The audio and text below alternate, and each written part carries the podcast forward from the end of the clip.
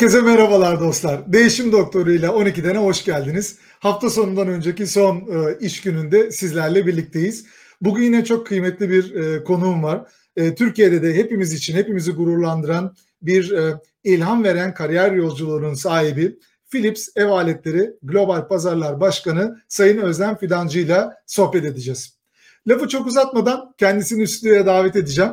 Ondan evvel de herkese bir kez daha merhaba demek istiyorum. Bizleri de izleyen tüm dostların bir merhabasını alalım. Böylelikle bizi kim izliyor, kim izlemiyor gizliden e, bunu da bilebilme şansımız olsun. İşin latifesi, şakası e, bir yana müsaadenizle e, Özlem Hanım'ı stüdyoya davet etmek istiyorum.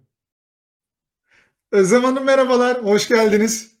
Merhaba Serhat Bey, hoş bulduk. Çok teşekkür ederim. Herkese iyi günler diliyorum.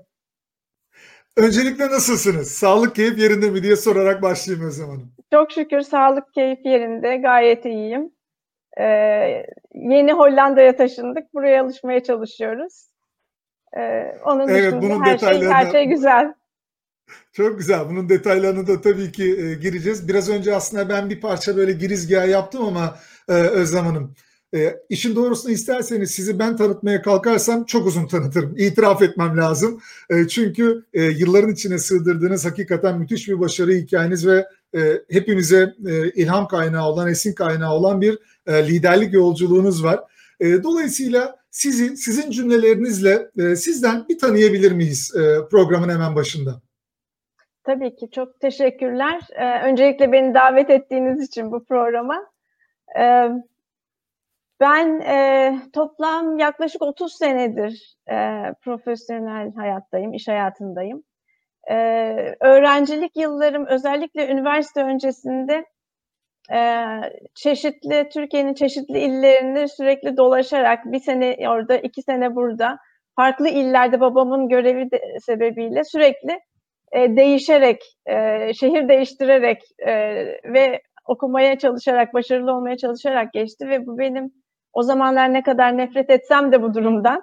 E, çünkü e, özellikle gençken, e, çocukken, gençken arkadaşlarınızdan olmak vesaire çok zor takdir edersiniz ki. Ne kadar da hoşlanmasam e, adaptasyon kabiliyetimi çok arttırdığını e, gördüm. Özellikle iş hayatında bu bana çok faydası oldu. Bunun altını çizmek istiyorum. Çünkü e, hani kariyer, e, başarı vesaire dediğinizde adaptasyon e, değişime ayak uydurmak çok önemli. E, Boğaziçi Üniversitesi'ni işletme bölümünü kazandım. E, Birçok okul değiştirdikten sonra. E, önce doktor olmak istiyordum aslında. Hep seneler boyunca tıp doktoru, hayatım tıp doktoru olmak istiyordunuz. Dedim. E, dondum galiba ben. Hayır, görüntünüz gayet net geliyor bize. Ben, ben donmuş gibi oldu. Önce doktor olmak istedim, onu söylüyordum. Ee, evet. E, son senemde karar değiştirip işletme bölümünü, Boğaziçi işletme bölümünü e, tercih ettim. Orayı kazandım. Ondan sonra e, Tetra e, şirketinde çalışmaya başladım. E, yedi buçuk sene kadar aşağı yukarı. E, orada güzel bir çalışma dönemim oldu. E, sonra e, evlendim e, bu arada. E, sonra Philips'e geçtim. Tam 22 yıl önce zannedersem Philips'e geçtim. E, Philips'te çok çeşitli roller aldım. Satışta, pazarlamada. E, Türkiye'de e, farklı rollerde bulundum. Satış, pazarlama. Sonra genel müdürlüğünü yaptım tüketici ürünlerimizin. Sonra e, o zamanki müdürüm e, bana dedi ki hep Türkiye'de kalarak e, nereye varacaksın? Kendini dışarıya eğer gerçekten gelişmek, e, ilerlemek istiyorsan dışarıya gitmen lazım. Singapur'da bana bir güzel bir rol teklifi geldi. Orada e, emerging pazarların, e, büyümekte olan e, pazarların e, pazarlama strateji bölümü başkanlığına geldim. E, sonra e, yeni bir görev teklifi geldi Dubai'de. Orada yine tüketici grubunun e, Orta Doğu ve Afrika, Orta Doğu Afrika Türkiye'nin başına e, genel müdür olarak atandım. E, daha sonra hep tüketici mi yapacağım? Philips'in başka alanları da var. Başka yerlere kayayım istedim. Sonra sağlık bölümüne geçtim. Sağlık sistemleri. Onun başında genel müdür olarak yine aynı bölgede e, görevimi sürdüm. sürdürdüm 3 yıl. 2017 sonuna kadar. Ee, sonra e, bütün Philips'in Orta Doğu ve Türkiye e, CEO'lu görevi e, e, teklif edildi. E, benim hep yapmak istediğim bir görevdi. Onu yaptım ta ki e, bu 1 Eylül e, 2020'ye kadar pandemi döneminde e, hani herkes e, elindekine sahip çıkar ya da işte değişmek istemez. Kimse hani böyle bir yeni değişime karar vermek de e, kolay olmaz diye düşünürken e, benim karşıma birkaç tane fırsat çıktı açıkçası. E, ve yine tekrar bir yeni yenilik yapayım. Artık e, e, global bir görev alayım istedim. Çünkü hani regional görevler vesaireler bunları hep yapmıştım. E, bir de global görev yapayım diye bu rol bana çok cazip göründü. E, Hollanda'da, Avrupa'da yaşamak da aynı şekilde. E, aile olarak da bu tecrübeyi e, e, edinmek çok e, iyi gelecekti. Onun için böyle bir görevi kabul ettik. E, bu arada bir oğlum da var, 16 yaşında. O da Allah bağışlasın. Teşekkürler. O da üniversiteye hazırlanıyor. E, ben de yeni görevime adapte olmaya çalışıyorum. E, kariyer yolculuğum şimdiye kadar bu şekilde. Bundan sonra artık nereye varacağız?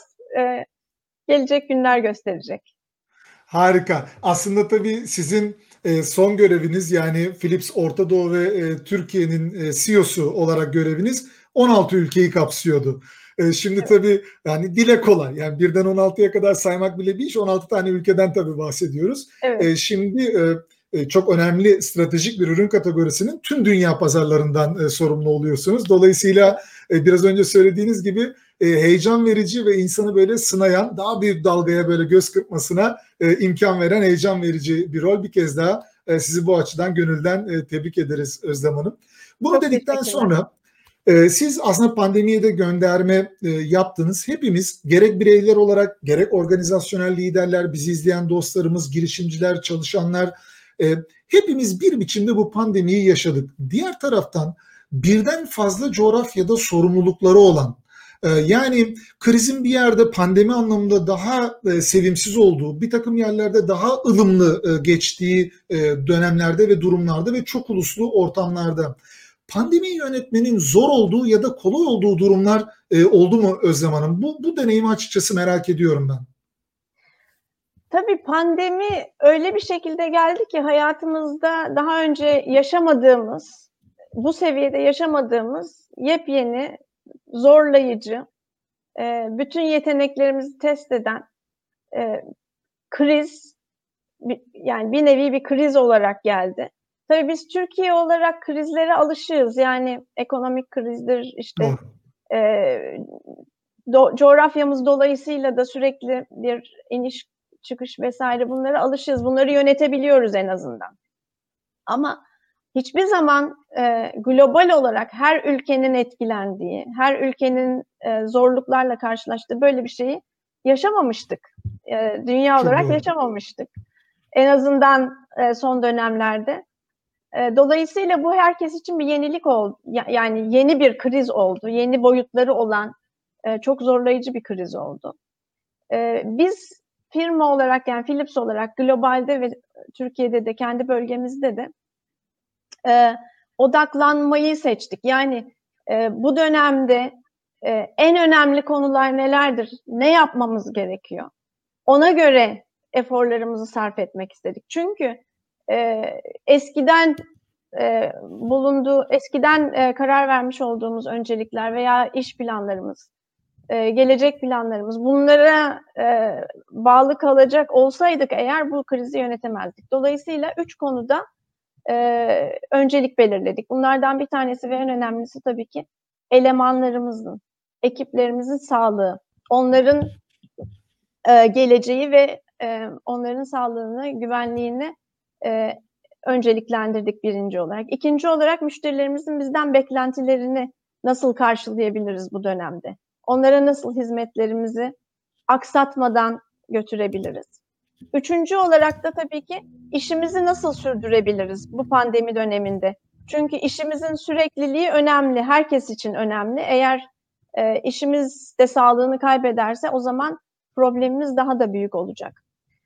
Dolayısıyla e, dediğim gibi öncelikle ekiplerimizin güven güvenliği için e, hemen evden çalışmaya yönelttik. Ondan sonra saha ekiplerimiz için onların çalışmalarını e, en iyi şekilde gerçekleştirebilmeleri için ve güvenli olabilmeleri için gerekli olan bütün ekipmanları sağladık.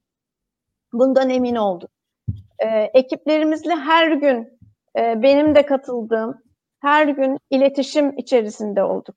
E, ki onlardan duyabilelim neler yaşıyorlar, neler e, onları zorluyor, neler bekliyorlar, nasıl onların hayatını kolaylaştırabiliriz. E, kişisel tabii zorlukları olanları da e, bilmek istedik ki ona göre herkese davranabilelim ve insanları önceliklendirebilelim. Bu konuda gerçekten çok büyük efor sarf ettik. E, müşterilerimizle de ilgili olarak hepsiyle artık tabii ki yüz yüze görüşmek mümkün olmayacağı için hepsiyle birlikte e, işte sanal ortamlarda toplantılarımızı ayarlayıp onların isteklerini, beklentilerini karşılamak üzere ekiplerimizi onlara göre organize etmeye çalıştık. Ee, bazı ürünlerimizin, hizmetlerimizin çeşitliliğini değiştirmemiz gerekti.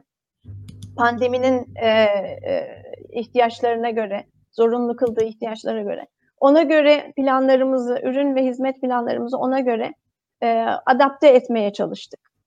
E, ve müşterilerimizle sürekli yakın temas içerisinde olarak onlara proaktif bazı çözümler de götürdük. Hem sağlık tarafında hem e, tüketici e, kısmında. E, özellikle sağlık tarafı tabii ki pandemi döneminde çok daha fazla ön plana çıktı. Orada e, bizim çözümlerimizi onlara götürerek, örneğin yoğun bakım çözümleri e, gibi çözümlerimizi onlara götürerek daha iyi bu e, pandemi sürecinde daha iyi e, savaşabilmelerine yardımcı olmaya çalıştık. İşimizin devamlılığı için de tabii ki maliyetlerimize baktık. Neleri kısabiliriz? Ee, eğer işimiz aşağı doğru gidiyor ise e, bunu nasıl, ne şekilde yönetebiliriz? Hangi masraflarımızı kısabiliriz? E, bunlar çünkü çok önemli. Kriz dönemlerinde masraflara odaklanmak e, çok çok evet. önemli. Ama dediğim gibi biz öncelikle birinci olarak ekibimizi, ikinci olarak müşterilerimizin beklentilerini, üçüncü olarak da iş e, önceliklerini, iş devamlılığını e, birinci plana alarak bu pandemiyi güzel atlattığımızı düşünüyorum Philips olarak şu ana kadar. Henüz bitmedi. Henüz hala Muhakkak. içerisindeyiz. Ama e, geri dönüp baktığımda bu zamana kadar e, ekiplerimizin motivasyonu daha da arttı. E, global olarak yani bölge bölge ekiplerimizin özellikle motivasyonlarının çok arttığını görüyoruz e, yapılan işleri takdir ettiklerini ve e, belirlemiş olduğumuz öncelikleri e, desteklediklerini görüyoruz. Müşterilerimizden de aldığımız geri bildirimler olumlu. E, onlara verdiğimiz hizmetler vesaire konusunda olumlu. Tabii elimizden gel- geldiği kadar kendimizi adapte etmeye çalıştık bu doğrultuda.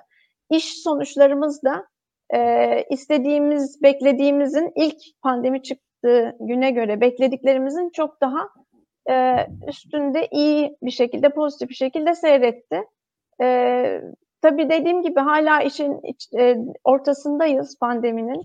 Gelecek günler ne gösterecek bilmiyoruz ama en azından geride bir e, 9 ay bıraktık pandemiyle mücadelede ve e, tecrübe olarak. Tecrübe önemli bir konu çünkü.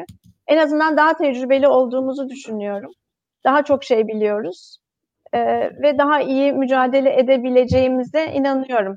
Tabii bu arada e, bir de sağlık çalışanlarına hem tüm dünyada özellikle Türkiye'de sağlık çalışanlarına e, minnettarız. Çok teşekkür ediyorum ben kendi adıma, kendi sektörüm adına.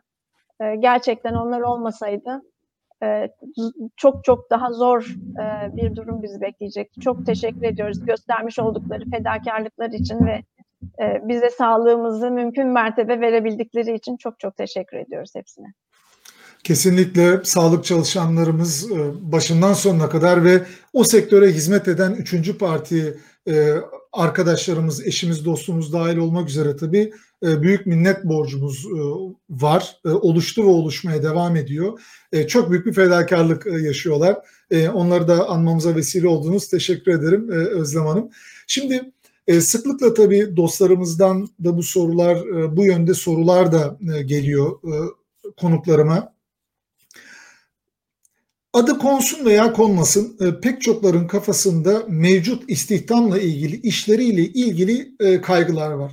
Girişimci ise yönetici ise işten çıkarmalarla e, e, yüzleşecek miyim? Böyle bir karar vermek durumunda kalacak mıyım? Çalışan tarafındaysa eğer işimden olacak mıyım diye adı konan konmayan soru işaretleri var. Bir de tabii aktif iş, ara, iş arama döneminde bu pandemi krizine yakalanan dostlarımız da var. O yüzden sıklıkla şu soru geliyor. E, pandemi döneminde e, Philips gibi yani sadece Türkiye'de iş yapan değil globalde de iş yapan bir e, şirketin istihdama bakış açısı bu süreçte nasıl oldu, nasıl olmaya devam eder? Bununla ilgili sizden duyabileceğimiz güzel haberler olabilir mi Özlem Hanım? ya şöyle güzel haber mi bilemiyorum ama size bahsettiğim gibi biz işimizin sürdürülebilirliği e, önceliklerimizden birisiydi pandemi döneminde ve hala da öyle. Çünkü işimiz olmazsa, Philips olmazsa hiçbir şey olmaz. Dolayısıyla e, işimizin sürdürülebilirliği bizim için çok önemli. E, biz ne yaptık? Maliyetlerimizi kısmaya çalıştık. Yani seyahatler zaten otomatik olarak e, azaldı. Onun dışında diğer bütün e, gerekli olmayan masrafları kıstık şirketin üst düzey yönetiminin e, maaş zamlarını vermedik. Ben de dahil olmak üzere bu, bu gruba. Ki e, işten çıkarmaları e, yaşamak zorunda kalmayalım diye. E, aynı zamanda yeni işe alım süreçlerimizi dondurduk. Ki e, mevcut kadrolarımızla devam edebilelim diye. Ama tabii ki bu, bunu e, bazı konularda esnettik. Çünkü özellikle saha ekiplerinde sağlık çalışanlarına destek olacak olan saha ekiplerimizde sağlık sistemleri birimimizle ilgili konuşuyorum.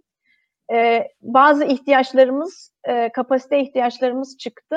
Onları e, işe almaya devam etmek durumunda kaldık tabii ki.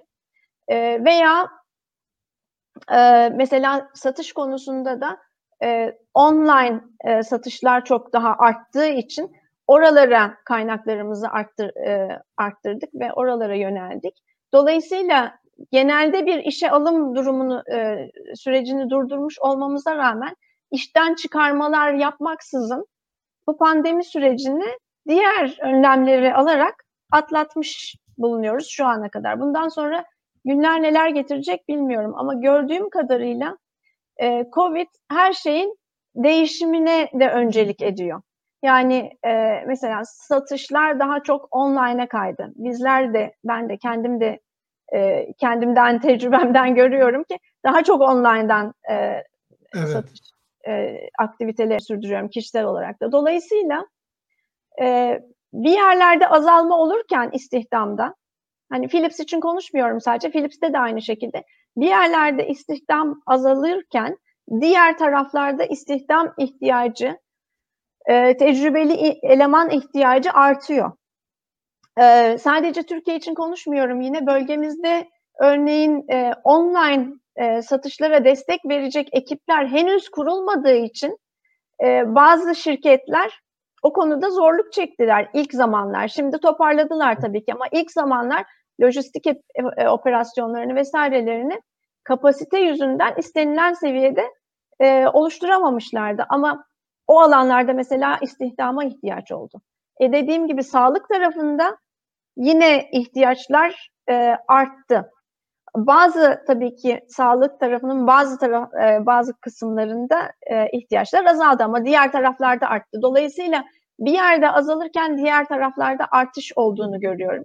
Covid'in e, krizin hani hiç sevmediğimiz bir şey tabii ki bunun olmasını hiç istemezdik ama e, hayatımıza giren bu krizin bize bazı yeni e, fırsatlar getirebileceğini de düşünüyorum. İş hayatında olabilir, kişisel hayatta olabilir.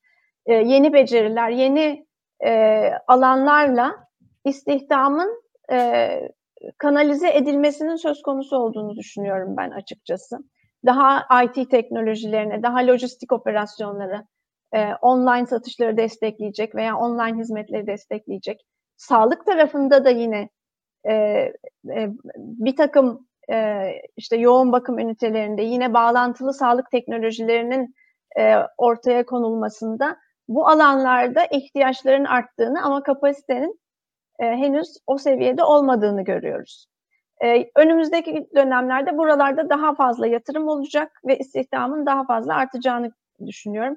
Tabii ki daha önce alışık olduğumuz alanlarda, çalıştığımız alanlarda e, kapasite belki e, düşecek, düştü ve daha da düşme olasılığı var.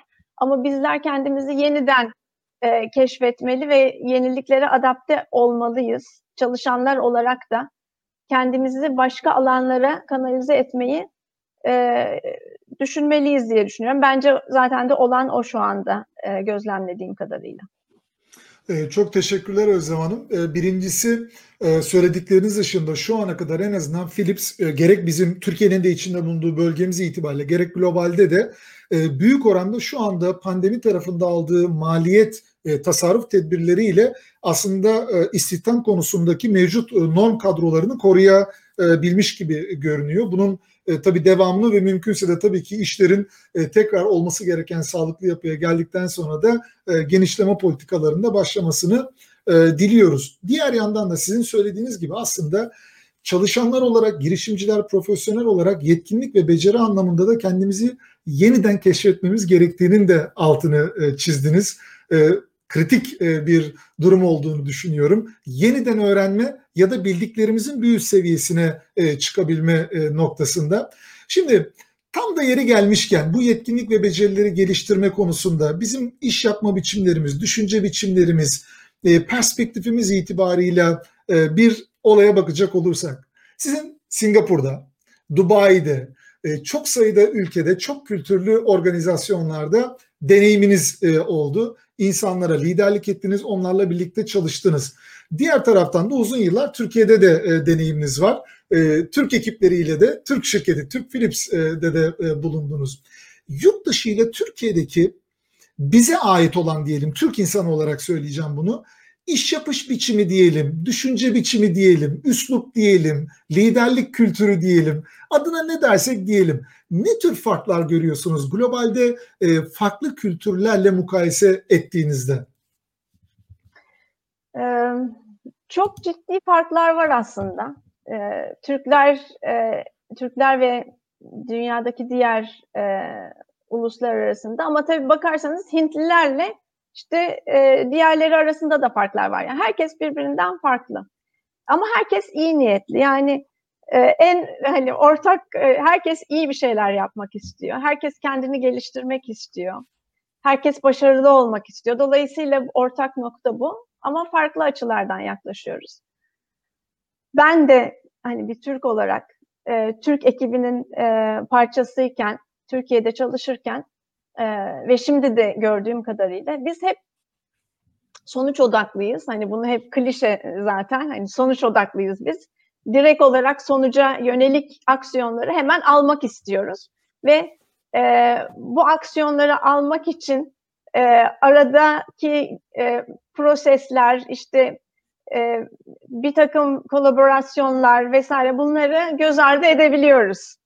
E, bunlara daha az önem e, biçiyoruz maalesef.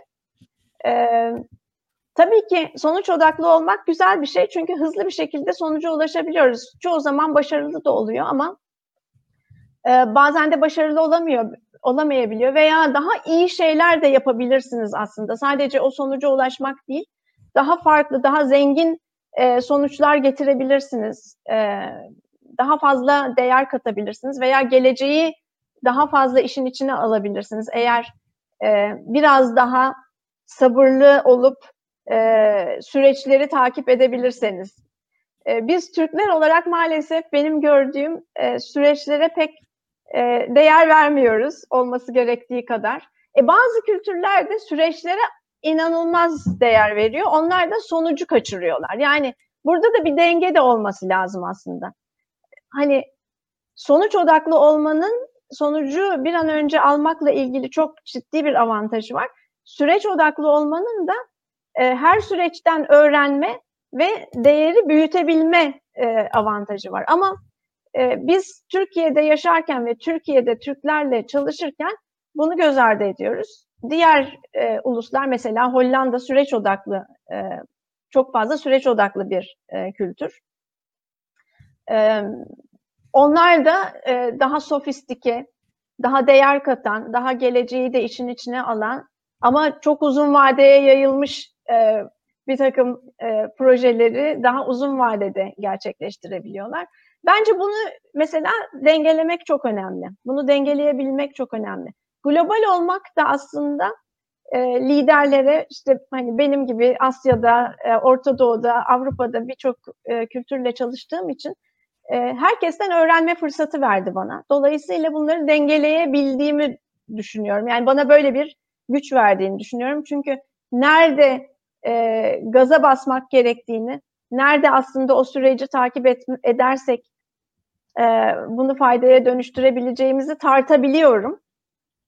Veya tartabiliyor e, bu şekilde tecrübesi olan liderler. E, dolayısıyla daha geniş, zengin bir bakış açısı veriyor.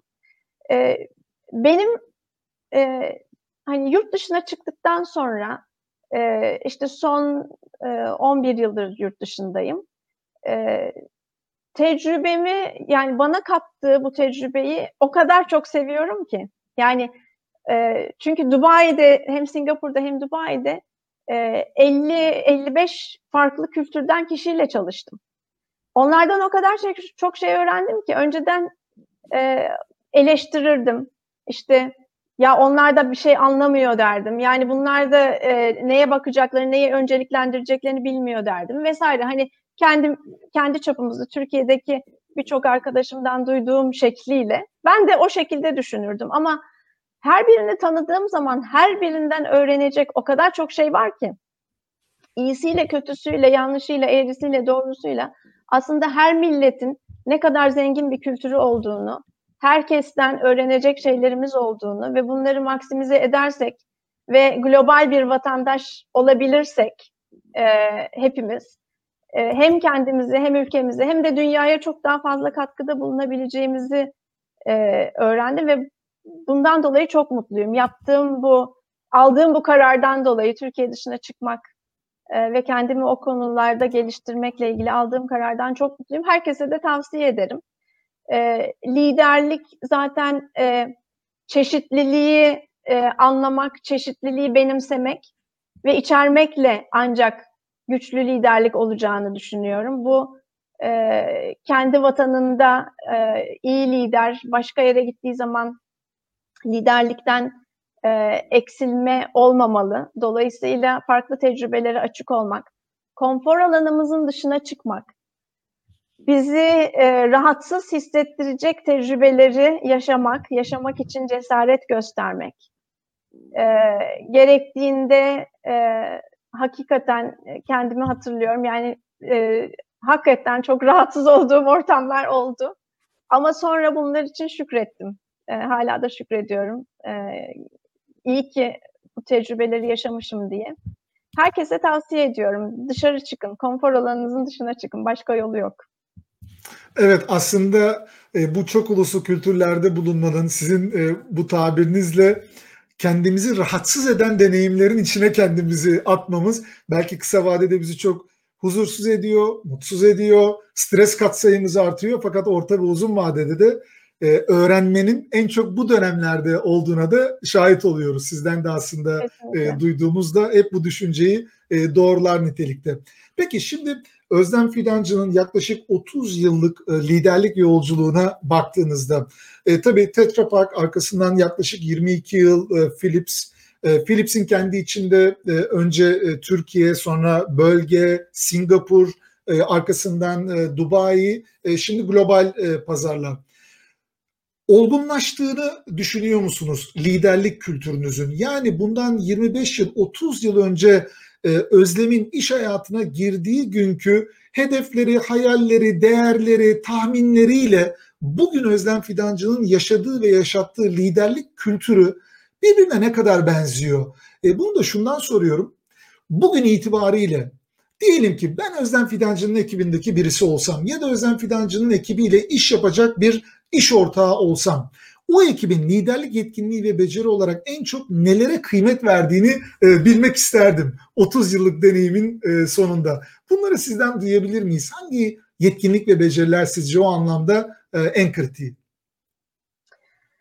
Ee, Yani bir sürü şey var aslında ama bakacak olursanız hani benim başladığım noktadan veya çocukluğumdan beri belki e, hiçbir zaman e, mevcut şartların kurbanı e, olmayı kabul etmedim. Yani mevcut şartlar e, kötü olabilir e, veya e, sizi desteklemiyor olabilir. E, işte çocukluğumda oradan oraya koşturmakta olduğu gibi yani o okuldan şu okula, bu okuldan bu okula. E, bazı okullar iyi, bazı okullar kötü, bazı arkadaşlar iyi, bazıları o kadar iyi değil vesaire. Ama durumun kurbanı olmak yerine e, aksiyon almak, aksiyona geçmek. E, bunu benimsedim. Yani eğer kurban gibi görürseniz şartlar böyle, o yüzden e, başarılı olamıyorum. E, keşke şehir değiştirmeseydik, babamın işi keşke sabit kalsaydı, başka çocukların aileleri olduğu gibi biz de hep aynı yerde yaşasaydık, aynı okullara gitseydim, aynı arkadaşlar olsaydı çok daha iyi olurdum. Veya e, işte bak gördün mü erkek e, arkadaşlarımız daha fazla e, terfi, daha hızlı terfi alabiliyorlar. Öyleymiş. Ben bayan olduğum için e, bana böyle bir şey olamaz zaten. Dolayısıyla 1-0 geriden başlıyorum vesaire gibi düşünceler. Veya uluslararası şirkette çalıştığınız zaman Hollandalı değilim. Boyum da zaten kısa. Kimse beni görmez, fark etmez. Ee, avantajım avantajım yok. Ne yapacağız? Ee, benim nasıl bir şeyim olabilir e, diğerlerin arasında gibi düşünceler hep olabilir. Yani baktığınız zaman dezavantajlarınızı hep görebilirsiniz. Kendinizi kurban olarak görüp ve buna hayıflanabilirsiniz. Bu da başarınıza bir engel gerçekten teşkil eder öyle görürseniz. Ben bunları bertaraf etmek gerektiğini düşünüyorum. Zaten doğal olarak da öyle birisi değilim. Yani doğal olarak da kurban gibi e, davranabilecek bir karakterim zaten yok. Ama bunu fark ettim. Yani bilinçli olarak da bunu fark ettim. Yani böyle davranmanın kötü sonuçları olacağını gördüm başka arkadaşlarımda veya e, çalışma ortamında. E, kendim böyle hiç olmadım. Dolayısıyla bunun bir avantajı olduğunu düşünüyorum benim için. İkincisi, e, yani bütün şartları fırsata çevirebilirsiniz. Bütün kötü de olsa şartlar, e, istediğiniz gibi olmasa, ideal olmasa bile siz bunu iyiye fırsata çevirebilirsiniz. Bunu becerebilmek önemli bir yetkinlik. Diğeri, e, işinizi babanızın işi gibi sahiplenebilme becerisi. Yani e, hep onu söyledim eskiden beri. E, sabah sekiz buçuk, akşam e, sekiz, yedi, beş, kaçta çıkıyorsanız fark etmez. E, günümüzün büyük bölümünü işimizde harcıyoruz. Sadece bana verilen işi yaparım, görev tanımıma uygun yaparım. İşimin de e, baş, e, işimin sonuçlarını da en iyi şekilde yapmaya çalışırım. Ama e, gerisini de patrona havale ederim mantalitesinin çok doğru olmadığını düşünüyorum. İşimizle bir duygusal bağımız olmak durumunda. Bu kadar zaman harcıyoruz. Duygusal bağımız olmadan sadece para kazanıyorum, sadece ben profesyonelim. Hiçbir duygusal bağım olmamalı. Olmaz. Böyle bir şey başarıya götürmez. Ben en azından beni götürmezdi. Ben hep duygusal e, hem işimle hem ekibimle e, hem firmamla duygusal bir bağımın e, bana faydası olduğunu düşünüyorum.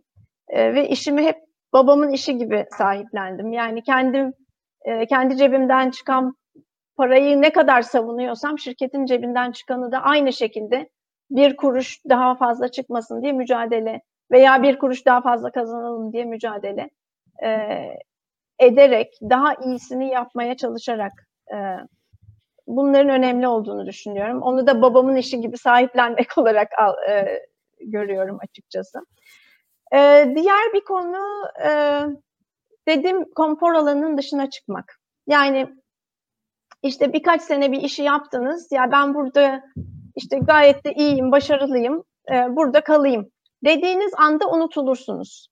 Yani e, oranın mobilyası haline gelmemeniz gerekiyor. O görevi en iyi yapan kişi e, budur. Dolayısıyla da hep burada kalmalıdır e, nosyonunda olmamanız gerekiyor. ne fikir olarak ne başkaları sizi o şekilde görmeli. E, üç yıl, dört yılda bir e, hep konfor alanının dışına çıkarak farklı rollere aday olmak, e, istekli olmak, kendini e, diğer e, başarı faktörünü söyleyeceğim. Diğeri de sürekli gelişim. Yani hep konfor alanının dışına çıkma isteğiyle kendini sürekli geliştirmek. Her gün bir miktar daha iyi olmak. Her gün önceki güne göre küçücük bir an, adım bile olsa önde olmak. Yanlışlarınızı görmek, bugün olsa öyle demezdim diyebilmek. Savunmamak yaptığınız işi. Kritik bakabilmek. Ee, ve başkaları ne düşünüyor e, sizinle ilgili veya yaptığınız işle ilgili. Kendinizi çok beğenmemek. Ee, tabii ki takdir edeceksiniz kendinizi, başarılarınızı ve bu sizi e, tatmin edecek ama e, daha iyi ne yapabilirim? Daha farklı nasıl yaklaşabilirim? Acaba falanca nasıl düşünüyor? Onun bir geri bildirimini alabilir miyim? Veya ekibim benim e, yönetimle ilgili ne düşünüyor? E, organizasyondaki en düşük seviyedeki kişinin fikrine karşı hem meraklı olmak hem saygılı olmak, öğrenmeye çalışmak, e, işte fil dişi kulesinde yaşamamak, kendinizi gerçeklerden e, kapatmamak. Bunlar çok önemli. Çünkü en çok bence liderlerin, e, yöneticilerin en çok yara aldığı yerler bunlar. E, gerçek olan bitenle kendi dünyanız arasındaki kopukluk liderleri, yöneticileri direkt başarısızlığa e, sürükleyecek şeyler. Olan biteni herkesten önce anlayabilmek ve e, ve ekiple olan iletişimde bu dediğim gibi en küçük seviyedeki kişinin bile ne düşündüğünü bildiğiniz zaman e, trendleri okuyabiliyorsunuz. Neler olabileceğini bir lider olarak tecrübenizle ortaya koyabiliyorsunuz. Bu size çok büyük bir avantaj sağlıyor. E, bunlar çok önemli. Kendini sürekli geliştirebilmek e, bunların çok önemli olduğunu düşünüyorum. E, ve e, çeşitliliğe önem vermek. E, hani konuştuğumuz gibi farklı kültürlere. Türkiye içerisinde de biz o kadar çok mozaik bir ülkeyiz ki aslında. Kendi içimizde çok de çok farklı çok farklı görüşler, çok farklı e, background'dan gelen kişiler, eğitimden gelen kişiler var. E, kolaborasyon çok önemli. Özellikle içinde bulunduğumuz dönemde, pandemi dönemini düşünün. Tek başınıza bir şeyleri başaramazsınız. Bir araya gelmeniz gerekiyor. Bir araya gelerek farklı uzman ekipleri kullanabilme becerisiyle sadece kendi ekibimle iş başarırım mantığı değil. Sadece bana direkt rapor eden insanlarla bir şeyler başarabilirim mantığı değil. Ama dünyanın başka yerinde o işleri güzel yapan insanları da işin içine katabilme becerisi veya eğer Türkiye'deyseniz e, farklı coğrafyadaki e, farklı belki şirketlerdeki kişilerle bir araya gelip e, platformlar kurup ortaklıklar yapıp hem sorunlara çözüm bulmak hem de bazı fırsatları hayata geçirmek. E, işbirliği de çok önemli olduğunu düşünüyorum. İşbirliği kurabilme becerisinin çok önemli olduğunu düşünüyorum. Liderlik, benim liderlik yolculuğumda en azından. Aslında e, her biri tabii kendi içinde o kadar e, önemli e, bilgiler ve ihtiyaç e, içinde bulunduğu senaryoları itibariyle ihtiyaç duyan dostlarımıza e, çok önemli tüyolar e, niteliğinde. Ağzına ağzınıza sağlık e, Özlem Hanım. Tabii e, sorular da gelen sorular da e, biraz e, belirli bir yönü de işaret eden nitelikte. Ama soruyu şöyle sormayacağım. Yani bir kadın olarak diye başlamayacağım soruya. Yani eminim sıklıkla bu veya benzeri soruyla karşılaşıp tüyleriniz diken diken oluyordur. E, diğer yandan iş hayatında e, tabii Türkiye'nin dışında da iş yaptığınız için konu sadece belki de kadın olmak değil. Belki de kimi zaman Türk olmak, e, kimi zaman belki de e, birisi için Müslüman olmak, birisi için ateist olmak e, söz gelimi. Din, dil, ırk adına ne dersek diyelim. Tüm dünyanın aslında gündeminde olan e, bir e, kavram artık var. Bunu kabul ediyoruz. Sadece iş hayatı değil. Sosyolojik olarak toplumda da e, bunun karşılığını e, görüyoruz Özlem Hanım. Fırsat eşitsizliği, fırsat eşitliğinin olmaması, ayrımcılık, olumsuz anlamda ayrımcılık, negatif ayrımcılık, adaletsizlik. Şimdi bütün bunları düşündüğümüzde hangi kimliğinizden dolayı olduğundan bağımsız olarak bunu soruyorum. E, bir dostumuz Kaan Bey de e, bunu demiş. Yani literatürde bu cam tavan e, denilen siz bunu hiç hissettiniz mi? E, ister istemez sizi böyle kurban rolüne itmeye çalışılan bir takım senaryoların içinde olduğunuzu hissettiniz mi? Ya da böyle durumları yaşayan dostlarımız için söz gelimi yurt dışında yaşayıp Türk olduğu için negatif ayrımcılığa maruz kaldığını veyahut da kadın yönetici olduğu için negatif ayrımcılığa maruz kaldığını düşünenlere neler tavsiye edebilirsiniz? Bu yolculukta yol almış, bunların üstesinden gelebilmiş birisi olarak. Dediğim gibi yani böyle hani dezavantajları düşünerek e, hiçbir zaman e, kendimi e, işte iyi durumdayım, kötü durumdayım. Bu, bu şekilde düşünemiyorum. Yani doğal olarak düşünemiyorum. Hani küçüklüğümden beri böyle bir düşüncem hiç olmadı. Ee, mutlaka etrafımda oldu, fark ettim. Ama kale almadım. Yani bana e, e, hani bana bu şekilde gelen sorular, yaşadığım bazı tecrübeler de oldu. Şimdi yayında bunları detaylarına girmek e, biraz şey olabilir, e, uygun kaçmayabilir, uygun kaçmayabilir. Hali hazırda hani etrafta... Biz biziz, sorun yok. oldu tabii ki, var. Yani bu tür insanları tespit ettim. Ama hiçbir zaman üstüme alınmadım. Direkt kendilerine geri gönderdim. Bana hani bana, yapmış oldukları tutumları diyeyim kendilerine geri gönderdim. En iyi yapılacak şey bence bu.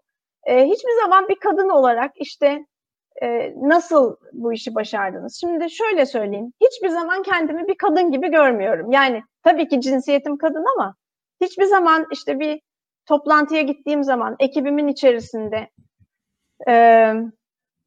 top, iş toplantılarında ya ben kadınım o zaman bana böyle bir davranış olabilir mi? Kendimi ona göre ayarlamalı mıyım? Bunun farkına da varmıyorum açıkçası. Çünkü hiç ona odaklanmıyorum. Eğer ona odaklanırsanız zaten o sizi bir geriye düşürür. Ee, ben bir insanım her şeyden önce. Ee, iyi niyetle işimi yapmaya çalışıyorum. Ee, işimi yapmak için e, işte o işi yapabilecek en iyi ekipleri kurmak, e, en iyi e, süreçleri ortaya getirmek, kaynakları oluşturmak. Mesela benim sorumluluğum bu. Bunları yaptığım sürece bunlardan emin olmaya çalışıyorum ve bu işime en iyi şekliyle kendimi vermeye gayret gösteriyorum. Hiçbir zamanda yani mesela ben Suudi Arabistan'a her hafta giderdim bir önceki işimde ve etrafımda işte 30 tane adam, erkek, e, meslektaşımız veya müşterimiz veya iş ortaklarımız hani hepsi erkek e, hiç hiç bir şekilde kötü bir muameleyle veya e, beni azımsayan bir muameleyle karşılaşmadım. Çünkü ben öyle davranmadım. Çünkü ben orada ben farklıyım şeklinde düşünmedim. Öyle bir düşüncem hiç olmadı, olmayacaktı. E, aynı şekilde işte Türk olmanın bazı dezavantajları olabilir. Ama sanki ben bir Türk'üm ve Türk olmanın da bir dezavantajı varmış gibi mesela Avrupa'da veya diğer gittiğim diğer toplantılarda, iş seyahatlerinde böyle bir şey hissetmedim. Şimdi bir de tabii şöyle bir durum var. İnsan e, e, hani başkalarıyla iletişimde olurken doğal olabilirse, kendi güçlü taraflarına odaklanabilirse ve e, ortama bir şeyler katmaya çalışırsa aslında herkes bunu takdir ediyor. Çünkü profesyonel hayatta aslında kadınlar kadar erkekler de e, struggle ediyor. Yani onlar da zorlanıyor. Ne yapacaklarını bilmiyorlar. Çok doğru. E, hep alışmış oldukları işte hep erkeklerin kur, kurguladığı bir iş ortamı var. Şimdi kadınlar daha aktif hale gelmeye başladı. Onlar için de yenilik. Onlar da bunu nasıl yapacaklarını bilmiyorlar. Kadınlar da kendilerini dezavantajlı hissettikleri için daha e, doğal olmayan şekilde davranabiliyorlar. Dolayısıyla ikisi bir araya geldiği zaman e, güzel, başarılı sonuçlar vermeyebiliyor. Bence yapılması gereken en önemli şey ben bir insanım, niyetim budur. Kendimi bir kadın ya da erkek olduğum için ayrıcalıklı, üstün ya da eksik görmüyorum. İşimize bakalım. Mantalite bu olmalı. Ha gerçek hayat böyle mi? Gerçek hayat böyle değil. Ama gerçeklik nedir? Gerçeklik biziz. Gerçekliği biz yapıyoruz. Dolayısıyla e, başkalarından bir şeyler beklemek yerine ben ne yapabilirim bunu değiştirmek için? Ben nasıl davranmalıyım? Ben nasıl diğer kişilere rol model olmalıyım? Diğer bayanlara, diğer erkeklere nasıl rol model olabilirim? Onlar benden ne öğrenebilir? Dolayısıyla nasıl daha eşitlikçi bir e, en azından kendi toplantımızda çünkü hep çok büyük idealler peşindeyiz. Olduğumuz yerlere odaklanmıyoruz. Önce olduğumuz yerlere, evimize odaklanalım. Bir iş toplantısında nasıl davranıyoruz? Önce orayı bir eğitelim. Hem kendimizi hem diğerlerini. Ondan sonra diğer taraflara büyüyelim. Benim bakış açım bu. Yani e, dünyayı kurtarmak e, herkes için çok kolay ama kendini e, kurtarmakla başlar her şey. Önce kendimize bir çeki düzen vermek lazım. Erkeksek de kadınsak da. Önce biz eşitlikçi miyiz? Gerçekten e, kör noktalarımızın farkında mıyız? E, onları e, bakmak, onu düzeltmek e, ve herkese ilham olmak. Ağzınıza sağlık. Aslında e, bir şey de itiraf etmem e, lazım. E, kimi zaman tabii iş dünyasındaki ayrımcılıktan, negatif ayrımcılıktan, adaletsizlikten, fırsat eşitsizliğinden bahsettiğimizde işin ırk ya da dinle ilgili olan kısımları bir kenara, cinsiyetle ilgili olan kısmı olduğunda e, kadınların maruz kaldığı sıkıntılardan bahsettiğimizde o kadar çok sayıda e, erkek dostumuzda ya siz zannediyor musunuz biz hani mobbinge uğramıyoruz? Yani e, dünyada yönetici dediğinin sayısı belli mobbing yapan adam kadına da yapıyor, erkeğe de yapıyor. Ya da işten atılma konusunda herhangi bir hani izin, e, maaş artışları, prim vesaire varsa yoksa bunu konuşuyorsunuz. Ya da cinayetlerden bahsederken ülkede kadın cinayetlerinden bahsediyorsunuz. Ama mesela bu yıl kaç tane erkek ölmüş ondan bahsetmiyorsunuz diye Aynen. farklı bir perspektifte e, sunabiliyorlar. Aslında sizin bu söylediğinizi ben bu açıdan çok e, önemsedim. Gelen yorumlarda da bunu görüyorum. Yahu erkek ve kadın olmaktan önce ortak bir kimliğimiz var. İnsan olmak. Yani illaki bir yerde ben erkeğim, ben kadınım, ben Türk'üm, ben Hollandalıyım, ben Amerikalıyım, İsviçreliyim falan demektense e, önce herkesin e, bir insan olduğunu tabii hatırlaması ve e, bulduğu her fırsatta dünyayı, memleketi kurtarma telaşından önce bir kendi kör noktalarına bakması, şöyle bir el aynasına önce e, bakıp dev aynasından önce el aynasına şöyle bir kendisine bakmasında da azami e, fayda var gibi görünüyor. Ağzınıza Aynen. sağlık e, Özlem Hanım. Şimdi e, işin işin doğrusunu isterseniz e, bu dönem aslında e, bir sonraki aşamada bunu soracağım ama e, oraya gönderme yaparak bu soruyu sormak istiyorum o kadar çok eşimiz, dostumuz her gün o kadar çok e, özelden de mesaj alıyorum ki bu yönde yurt dışında bulunmayı, okumayı, çalışmayı istiyor. Şimdi bunu bir kenara park ettikten sonra bu tarafta da Özlem Fidancı'nın profiline bakarsak bir insanın genç bir profesyonel ya da öğrenci kardeşimin yıllar sonra hayallerini süslediği bir mevkide. Dünya pazarlarından sorumlu. Hollanda'da yaşıyor. 130 yıllık bir markayı e, temsil ediyor e, e, baktığınızda. E, soru şu, göründüğü kadar cazip mi? Göründüğü kadar keyifli mi? Bu işin dikenleri yok mu? Yani hep derler ya yukarıya çıktıkça hani oksijen miktarı azalır. Hani rüzgar e, biraz artar, hava biraz soğumaya başlar, risk faktörü artar, yer kayganlaşmaya başlar. Herkes de bir taraftan bunları söyler. Ben bunu merak ediyorum. Uzaktan bakıldığı kadar çok uluslu bir kültürde bu kadar üst düzeyde liderlik etmek cazip mi? Ne tür dikenleri var mesela e, Özlem Hanım?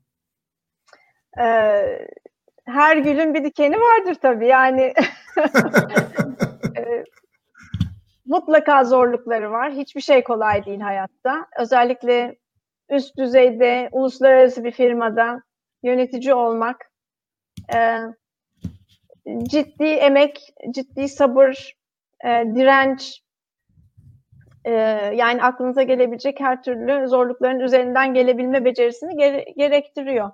E, yani şunu kabul etmek lazım. Her şey istediğiniz gibi olmayacak. Yani e, al gülüm ver gülüm dünyası derler ya hani kaba tabirle ya hani kendi e, isteklerinize ulaşmak için siz ne veriyorsunuz? Ne kadar e, kendinizden feda, fedakarlık ediyorsunuz? E, aynı zamanda başkalarına ne kadar destek olabilirsiniz? Çünkü e, tabii ki belli bir mevkide olmak, oralarda kalmak, sonra daha yukarıya çıkmak vesaire hep desteklenmeyi başkalarının sizi desteklemesine çok çok bağlı. Yani e, ilk başında bahsettim e, ekibimizin motivasyonu çok iyiydi. Ekibim motive olmasaydı, ekibim başarılı olmasaydı, e, ekibim mutlu olmasaydı ben buralara gelemezdim. Öyle değil mi? Dolayısıyla şüphesiz, geri, dönüp, şüphesiz. geri dönüp bakmak lazım. Nasıl ekibinizi motive edebilirsiniz? Nasıl ekibinizi mutlu ve başarılı kılabilirsiniz? Ben hep kendime e, zor zamanlarda, kriz zamanlarında çünkü lider olarak e, her an karar veriyorsunuz. Yani karar vermek liderliğin en birinci şeyi. Mutlaka karar verilmesi, kritik kararların alınması e, sizin baş sorumluluğunuz. Dolayısıyla e, bu kararların ekibi başarılı kılması çok önemli. Ben çok önce e, farkına vardığım zaman e, yani sadece e, satış yapmış olmak, sadece e, pazar payı kazanmak vesaire değil, ekibimizin kendini başarılı hissetmesi, onların sene sonunda hedeflerine ulaşmış olması vesaire bunlar çok önemli. Eğer bunu başaramazsanız e, kariyerinizin belli dönemlerinde yani sizi destekleyecek ekipler yoksa arkanızda işte onlar dikenli yollar. E, bunlara çok dikkat etmek gerekiyor çünkü e, sadece kişisel çabalarla, sadece kişisel zekayla veya birikimle bir yere gelemeyiz. Kolektif olarak ancak bir yere gelebiliriz. Ben bir yere geldiysem bu demektir ki arkada çok iyi bir ekip var. Hiçbir pozisyona giderken arkam, arkamda benden devralamayacak bir durum bırakmadım örneğin. Hep buna dikkat ettim. Çok önemli bir konudur. Ee, ben gittim arkamda ne olacak? Arkanızda eleman yetiştirebilmeniz lazım. Ekibi e, sürekli başarılı olacak şekilde konumlandırmanız lazım. Sonra e, aldığınız kararların arkasında durmanız lazım. Çünkü bazen aldığınız kararlar yanlış çıkıyor. Bu sene iyi sonuç veriyor ama so bir sonraki sene e, yüzünüze patlayabiliyor. Veya başka role geç geçmiş olsanız bile e, daha önce yapmış olduğunuz işte 22 yıldır Philips'teyim diyorum. Birçok rol değiştirdim. E, ben gittikten sonra çıkan bazı problemler olabildi tabii ki. Ama ekibin bununla mücadele edebilme gücü ve e, bıraktığınız işte arkanızda bıraktığınız e, legacy dediğimiz bunlar çok önemli konular. E, politik politika e, var tabii ki hani dikenlerden bir tanesi. çok sevdiğimiz e, çok, konulardır. evet. Yani kişisel olarak sevmediğim bir konu. E, ancak e, bundan da kaçınılmıyor. Yani bazı çok yerlerde daha az, bazı yerlerde daha çok olabilir. Ama bunu da e, inkar modunda olamayız. Yani diken e, var, bu dikeni görmezden gelemeyiz. Politika maalesef e, işimizin bir parçası. Onu e, belli şekilde tabii ki yönetmeyi de bilmek gerekiyor. E, başarılı kalabilmek için. E, diğer ekip arkadaşlarınızla, sizinle aynı seviyede bulunan diğer kişilerle. E, onun için dedim yani e, bazı konularda e, yani tamam boş ver demeyi bilmeniz gerekebiliyor. E, her şeyi işte idealist bir şekilde onu da yapacağım, bunu da başaracağım e, diye mücadele etmeye çalışırsanız o zaman naif kalabiliyorsunuz. Bazı konuları e, işte tamam olmayacaksa e, onu bırakıyorum. Olması gereken şeylere odaklanacağım e, demeyi bilmeniz gerekiyor. E, ve sonra e, sınırsız bir şekilde sürekli olarak başarılı olabilmek önemli. E, hep başarılı olabilmek için e, neler yapmanız gerektiğini hep düşünmeniz, stratejik ajandalar vesaireler bunlar çok önemli. E, aynı şekilde nasıl bir transformasyon yapacağınızı da düşünmeniz lazım. Yani hem e, performans önemli hem de geleceğe yönelik e, transformation önemli. İşte kendinizi bozabilme, kendi yaptığınızı bozabilme becerisi. Hani bunlar da önemli. E, bazen e, yaptığınız şeyleri bozmak diken oluyor. E, yani çok e, hani konfor alanına dışına çıkmanın en yücesi diyeyim. Yani en üst noktası. kendi, kendi yaptığınızı bozmak zorunda kalmanız, bozabilmek ve bozmak zorunda kalmanız e, henüz ortaya çıkmamış ama ortaya çıkacak başarıları e, or, getirebilmek adına. E, kolay şeyler değil ama zor da değil. Çünkü e, dediğim gibi kendinizi sürekli geliştirmeye çalışırsanız e, ve sağlam ekipler, o en önemlisi bence. Hep sağlam ekiplerle çalışmak lazım. Dediğimi yapan ekip değil. E, sorgulayan, gerektiğinde konuşan, e, yani konuşan derken sizin görmediğinizi gösteren, yanlış bir şey yapıyorsanız e, aynı fikirde olmadığını söyleyebilecek cesarette olan kişilerle çalışmak gerekiyor. E, sizi çok belki takdir etmeyen kişilerden geri bildirim almanız gerekiyor. Kendinize ayna tutmanız gerekiyor. Dikenleri görmeniz gerekiyor. Çünkü birçok kişi bunları görmemeyi ve e, sadece pozitif taraflara, pozitif olmak çok önemli tabii ki, optimist olmak önemli. Her işe başlarken optimist olmak lazım. Ama e, dikenli tarafları nelerdir? Ne olursa bu iş başarılı olmaz diye sorabilmek de önemli. Ki ona göre önlem alasınız ve ona göre kendinizi ve ekibinizi organize edebilirsiniz. Bilmiyorum sorunuza cevap verebildim mi? Ben muazzam bir cevap olduğunu e, düşünüyorum kendi adıma. Açıkçası bu güzel bilgilerin arasında e, beni de en çok düşündürten tabii şunlar oldu. E, bizim tabii iş hayatında dilimize pelesenk olan bir felsefe vardır. Beni çok ararlar. Yahu sorun tam olarak bu zaten. Yani seni aramaları problem senin aranmadığın bir sistem bırakman gerekiyordu arkanda. Kesinlikle. Eğer sen onu kursan zaten seninle kimse yollarını ayırmayacak. Yani e, bir bakış açısı tabii e, e, durumu söz konusu.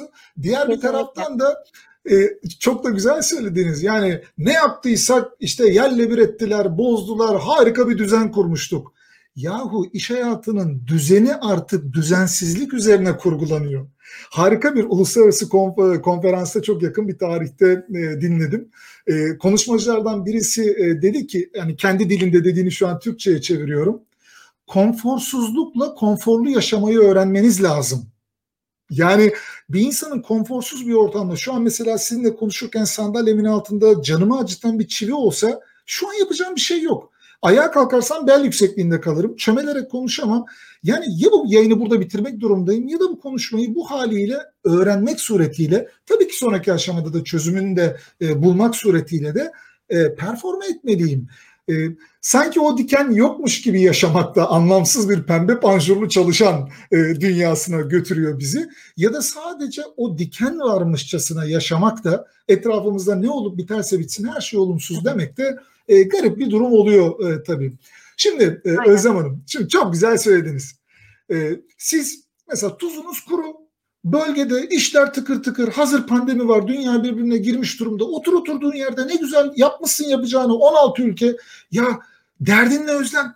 Globalde tüm dünya 150-160 tane ülkenin e, operasyonunu devralacak şekilde oyununu bozuyorsun diye insanların aklına gelebilir ya. Şu an Aynen. yaptıklarını bozmaya heves eden, konfor alanından çıkmak isteyen, ne iş olsa yapacağım deyip yurt dışına deyim yerindeyse kapağı atmak isteyen çok sayıda dostumuz var. Kardeşimiz var özellikle yani yaşça. Onlara tavsiye edebileceğiniz somut öneri var mı? Biraz önce bir kere şunu dediniz. Yüzde yüz tavsiye ediyorum. Ne yapın ne edin yurt dışı deneyimine yelken açın. Ben son 11 yılda kendime bu rahatsızlığı verdiğim için çok mutluyum dediniz. Nasıl açabilirler bu imkanı? Var mı onlara verebileceğiniz e, bu kapıyı açabilmeleri için bazı tüyolar e, Özlem Hanım? Ee, yani tabii ki cesaret önemli. Ee, hani daha gençler için belki e, ben biraz şanslıydım. Philips bana teklif e, de bulundu. Singapur'a gider misin vesaire. E, belki bu bir şans Öyle değil mi? Ee, ama öyle bir şans olmaksızın Şüphesiz. yine de dışarıya gitmek isteyen insanlar olabilir ve bence olmalı da mesela Avrupa'ya baktığımız zaman e, Avrupa'da öğrenciliğini bitiren insanlar işte çıkıyor bir sene iki sene part time işlerde çalışıyor. E, bir takım farklı tecrübeler ediniyor. Sonra e, işte Fransa'da bir iş buluyor, Hollanda'da bir iş buluyor. E, hiçbir zaman hani illa da kendi ülkemde doğdum, hep burada yaşayayım demiyorlar. Biz de e, Türkler olarak bunu yapabilmeyi öğrenmeliyiz. Biz biraz daha ben şeyden biliyorum kendi e, organizasyonumda e, mesela diğer milletler dışarıya gitmeye daha sıcak bakıyorlar. Hani onlara bir rol teklif götürdüğümüz zaman daha fazla e, risk almakla ilgili daha olumlu bakıyorlar. Türkler ya maaşım şöyle olsun, şu masraflarım da karşılansın ama eşim işini bırakacak. E, nasıl yapacağız? Yani nasıl yapacaksan yapacaksın. Yani her şey dört dörtlük olmak durumunda değil. Git o tecrübeyi elde et. Yani üç sene kal, iki sene kal, tekrar gelmek istiyorsan gel ama e, hani bir şeylerden fedakarlık etmeden de hani kimse de böyle her türlü masrafını artık o dönemler de geçti. Belki çok eskiden e, biraz daha bu tür masraflar karşılanıyordu ama artık işte normal alman gereken bir maaşı alıyorsun. E, onunla yaşamayı öğrenmen lazım. Ama burada cebine e, ekstra kalacak olan edindiğin tecrübe. Bu tecrübeleri de e, daha farklı bir şekilde edinemezsin. Onun ona da paha biçilmez zaten. Dolayısıyla e, hani maddi kazançtan çok tecrübeye değer biçmek e, ve yani bunu denemek güzel bir şey. Kısa vadeli olabilir. E, gidersiniz kısa vadeli başka fırsatlar çıkabilir. Çünkü bir pencere, bir kapı açıldığında oradan girmek, devam etmek başka şeyler gösterecek size. İçeride kalmakla bunu göremezsiniz. Pencereyi açmadan ya da kapıyı açmadan, dışarıya çıkmadan hangi fırsatları kaçırdığınızı bilemezsiniz ya da yakalayabileceğinizi bilemezsiniz. Dolayısıyla e, benim tavsiyem çok fazla detaya girmeden bu tecrübeleri olabildiğince genç yaşlarda edinmek çok çok fazla şeyler kazandıracaktır Türk milletine diye düşünüyorum. Çünkü biz çok kapalı bir kültürüz. Yani biz kendimizi çok beğeniyoruz, kendimizle çok gurur duyuyoruz. Duyulu, gurur duyulacak çok fazla özelliğimiz de var zaten. Hani hiçbir şekilde bunları e, azımsamıyorum. Ama öğrenecek de çok şeyimiz var. E, başkalarını bilmeden, öğrenmeden kendimizi daha iyi konumlayamayız Türkiye olarak. Türkiye içinde, Türkiye'nin geleceği içinde daha fazla e, yurt dışına açılmak, öğrenmek, başka kültürlerle ahbap olabilmek, onları takdir edebilmek e, ve kendimizi bu şekilde geliştirebilmek Türkiye'yi yukarıya taşıyacaktır bence. O çağ atlama lafı vardır ya. Bence çağ atlatabilecek e, potansiyelde bir e, hani kişisel olarak başlayacak ama herkesi de e, iyi tecrübelerle donatacak e, bir durum olduğunu düşünüyorum yurt dışına açılmanın. Özlem Hanım hakikaten e, ağzınıza sağlık. E, o kadar çok tabii karşılık buluyor ki yorumlarda da bu söylediğiniz. E, mesela e, Nilüfer Hanım da demiş ki e, evet işte hazır olabilmek de çok önemli o şans kapıyı çaldığında. Yani Picasso'nun güzel bir sözü vardır ya e, ilham diye bir şey vardır doğru ama dikkat edin sizi uyurken yakalamasın e, diyor. Yani e, siz o kadar güzel söylediniz ki yani şimdi o kapıyı açmazsan o pencereyi açmazsan olay mahallinde değilsen e, bir fırsatı da görebilme yakalayabilme şansın olmuyor. Çünkü her olay gelip senin kapını çalmak zorunda değil. Olay olup bittiğinde de ben oradaydım diyebiliyor musun? Biraz da aslında galiba mesele bundan ibaret. O yüzden de evet cruise gemileri çok güzel, çok konforlu. Yiyorsun, içiyorsun, kazinosu, güvertesi, havuzu falan ama e bir de Karayipler'de kulaç atmak diye bir şey de var. Yani hem Karayipler'de kulaç atacağım hem suitimde yatacağım.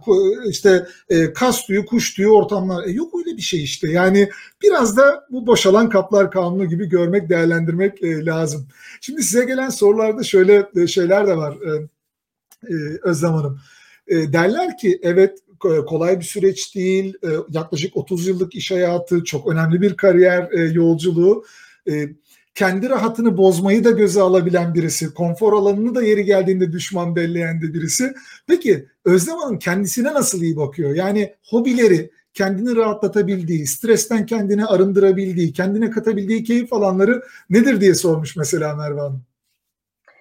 Ee, benim en çok e, sevdiğim ve beni en çok rahatlatan e, hobim e, resim yapmak. Resim yaparken gerçekten hani birazcık yeteneğim var azıcık ama çok değil. Resim yaparken zamanın nasıl geçtiğini anlamıyorum ve inanılmaz keyif alıyorum. Hani bu beni en çok rahatlatan şey. Bir başka bir şey e, hani profesyonel falan değil. Fotoğraf çekmeyi de seviyorum ama onu da resim tutkum yüzünden yani resim yapmayı çok sevdiğim için her gördüğüm şeyin fotoğrafını çekip e, bunun resmini yapmak istiyorum şeklinde detayları, ayrıntıların fotoğraflarını çekmeyi e, çok seviyorum. Herhalde görsel e, sanatlarla ilgili biraz e, şeyim var, e, yatkınlığım var ve e, hakikaten beni en çok rahatlatan şey. Diğer beni çok rahatlatan şey yürümek, uzun yürümek. E, ne kadar uzun ne kadar uzun mesela? Yani çok yani yürüyebildiğim kadar yürümeyi seviyorum ama tabii zamanım olmadığı için o kadar çok yürümeye yani kendimi kaybedecek şekilde kadar yürümüyorum ama yani bir saat iki saat böyle e, yürümek beni çok rahatlatıyor. E, yapabildiğim kadar işte her gün yapamıyorum tabii ama yapabildiğim kadar e, yürümeye kendimi veriyorum. Çünkü o zaman e, hani birçok düşünce geliyor aklıma, ilham geliyor. E, işte iş hayatıyla da ilgili olabilir, kendi hayatımla da ilgili olabilir. Farklı düşünceler aklıma gelip e, daha yaratıcı olabildiğimi düşünüyorum. Veya gördüğüm bir şey bana bazı şeyleri e, anımsatıyor. Dolayısıyla yürümeyi de çok seviyorum. Evet bunun dışında çok fazla bir şey yapamıyorum. Tatillerim yani e, tatillerimde biraz gezmeyi tabii seviyorum. E, farklı yerler görmeyi. Hani bunlar önemli. E, elimden geldiği kadar uzun tatil yapmaya çalışıyorum. Öyle hani Türkiye'de özellikle bu buna pek önem vermiyorduk. Ben Türkiye'de yaşarken de işte bir hafta tatil alıyoruz, gidiyoruz, geliyoruz. Ee, hani ben mümkünse üç hafta tatil almayı e, hedef koydum kendime ve yapıyorum. Tabii ki e, bu şu demek değil yani tatil boyunca rahatsız edilmiyorum veya işte işle ilgili bir şeyler yapmak Öyle bir imkan olmuyordur tabii. Öyle bir imkan olmuyor ama en azından kendim hani daha rahat, daha e, relax bir ortamda ailemle veya yakınlarımla bir arada istediğim şeyleri yapabildiğim bir e, daha uzun bir dönemi kendime hediye etmeyi uygun görüyorum. Güzel oluyor. Tavsiye ederim herkese. Ee, bir hafta, iki haftayla insan zihnini boşaltamıyor maalesef. Ee, kitap okumayı seviyorum ama çok fazla okuyamıyorum. Ee, çünkü sürekli başka şeyler okuyorum. Yani işimle ilgili, işimin gerekliliğiyle ilgili siz de biliyorsunuz her gün yeni bir takım şeyler geliyor. Bunları okuyorum. Çok Onları okumaktan kitap okumaya vakitim kalmıyor. Bu da benim tabii e, bir eksikliğim. Onu da yapmam lazım. Ama çok seviyorum kitap okumayı da. Ve bir günde yazmak istiyorum. Çünkü yazmak da beni çok rahatlatıyor. E, kendime notlarım var. Sürekli işte o yürüyüşlerim sırasında veya resim yaparken e, konsantre olduğum zaman aklıma gelen e, konuları not alıyorum. Bir gün umarım onları birleştirip e, yazı dünyasına da girebilirim büyük bir keyifle ve merakla açıkçası bekleriz. Ee, bu kadar çok e, farklı bölgede çok uluslu kültürlerdeki deneyimleri bir araya getirmek. Bir de tabii o yürürken akla gelenler insanın tabii o yaratıcı olduğu aklına bu gelen anları e, fark edip bunu tekrar edebilmesi de önemli. Hangi aktiviteyle bunu yapabildiğiniz e, Bill Gates'in bir e, söyleşisinde e, dinlemiştim. Diyor ki Bill Gates e, yıllar içinde diyor fark ettim ve fark ettiğim anda da bir daha hiç bırakmadım diyor.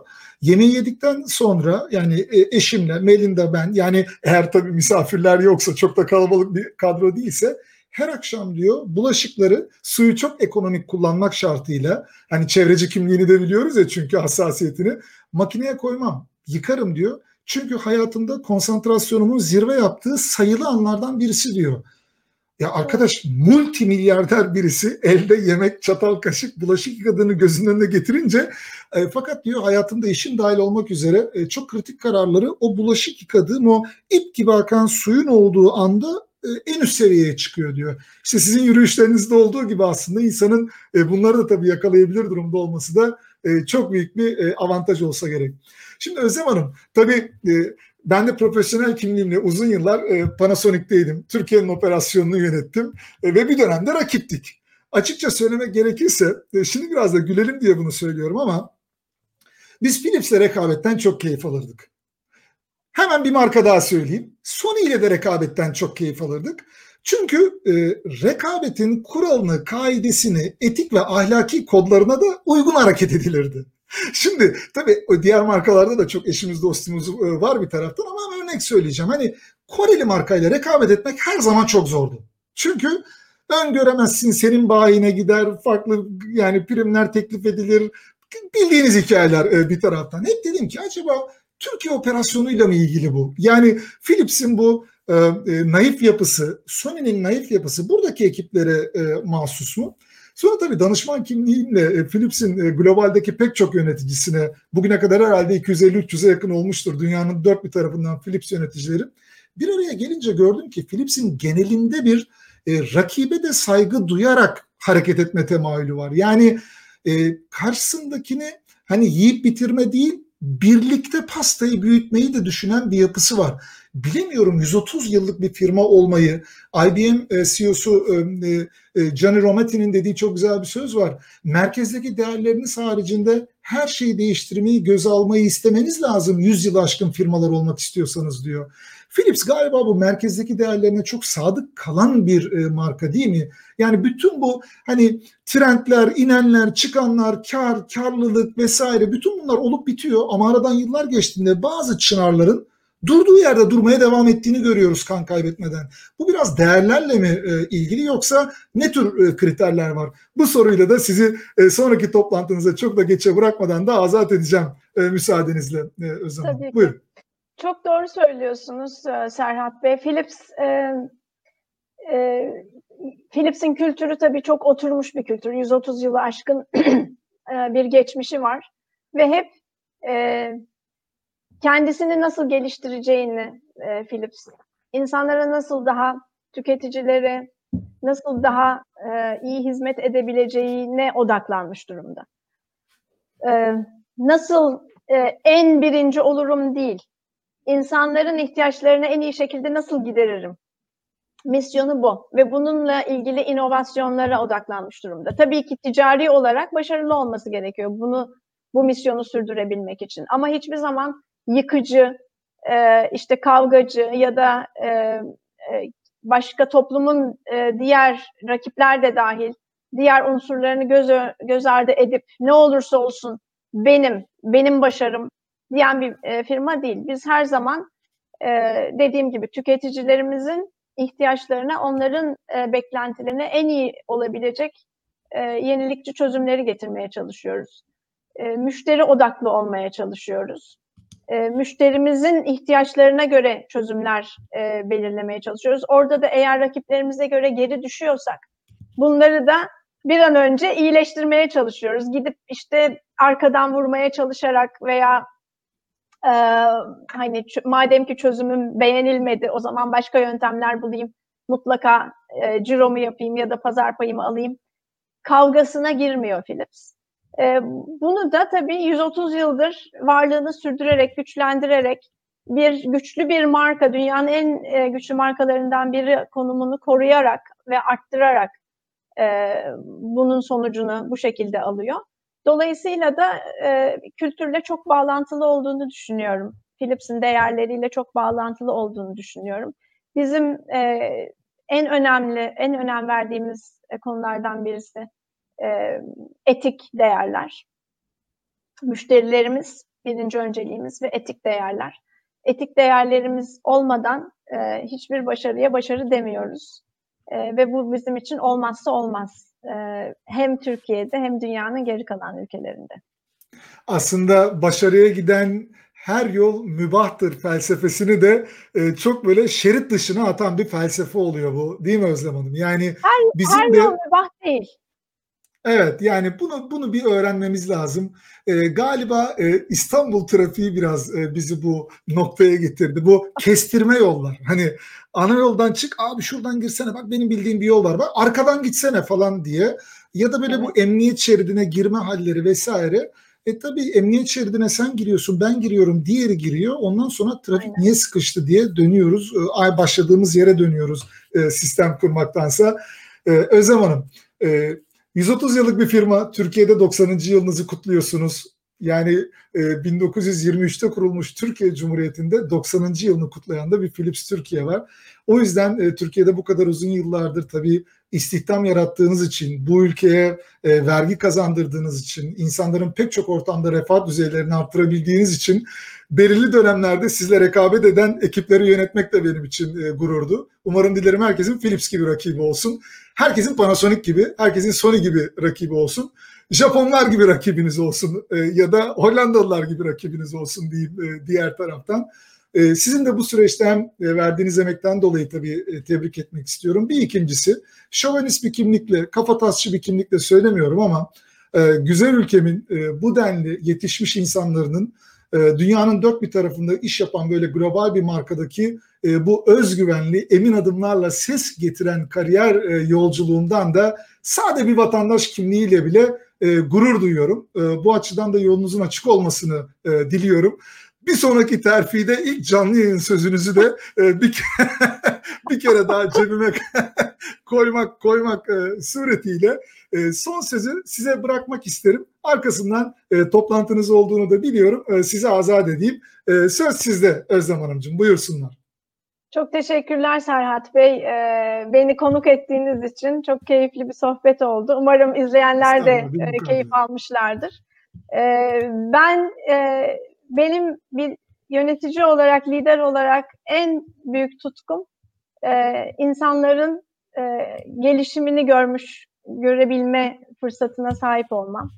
Onlara faydalı olabilmem ve e, eğer olabiliyorsa ilham veriyor, verebiliyor olmam. Dolayısıyla yöneticilerin böyle bir misyonu olduğunu düşünüyorum. Sadece iş başarısı değil, aynı zamanda e, aklı fikri sağlam, kendine güvenli, kendini geliştirmeye e, yönelik e, ekipleri yetiştirmeleri, onlara destek olmaları gerektiğini düşünüyorum ve e, bu konuda bu benim hakikaten bir e, kişisel tutkum ve beni en çok motive eden şey işin dışında.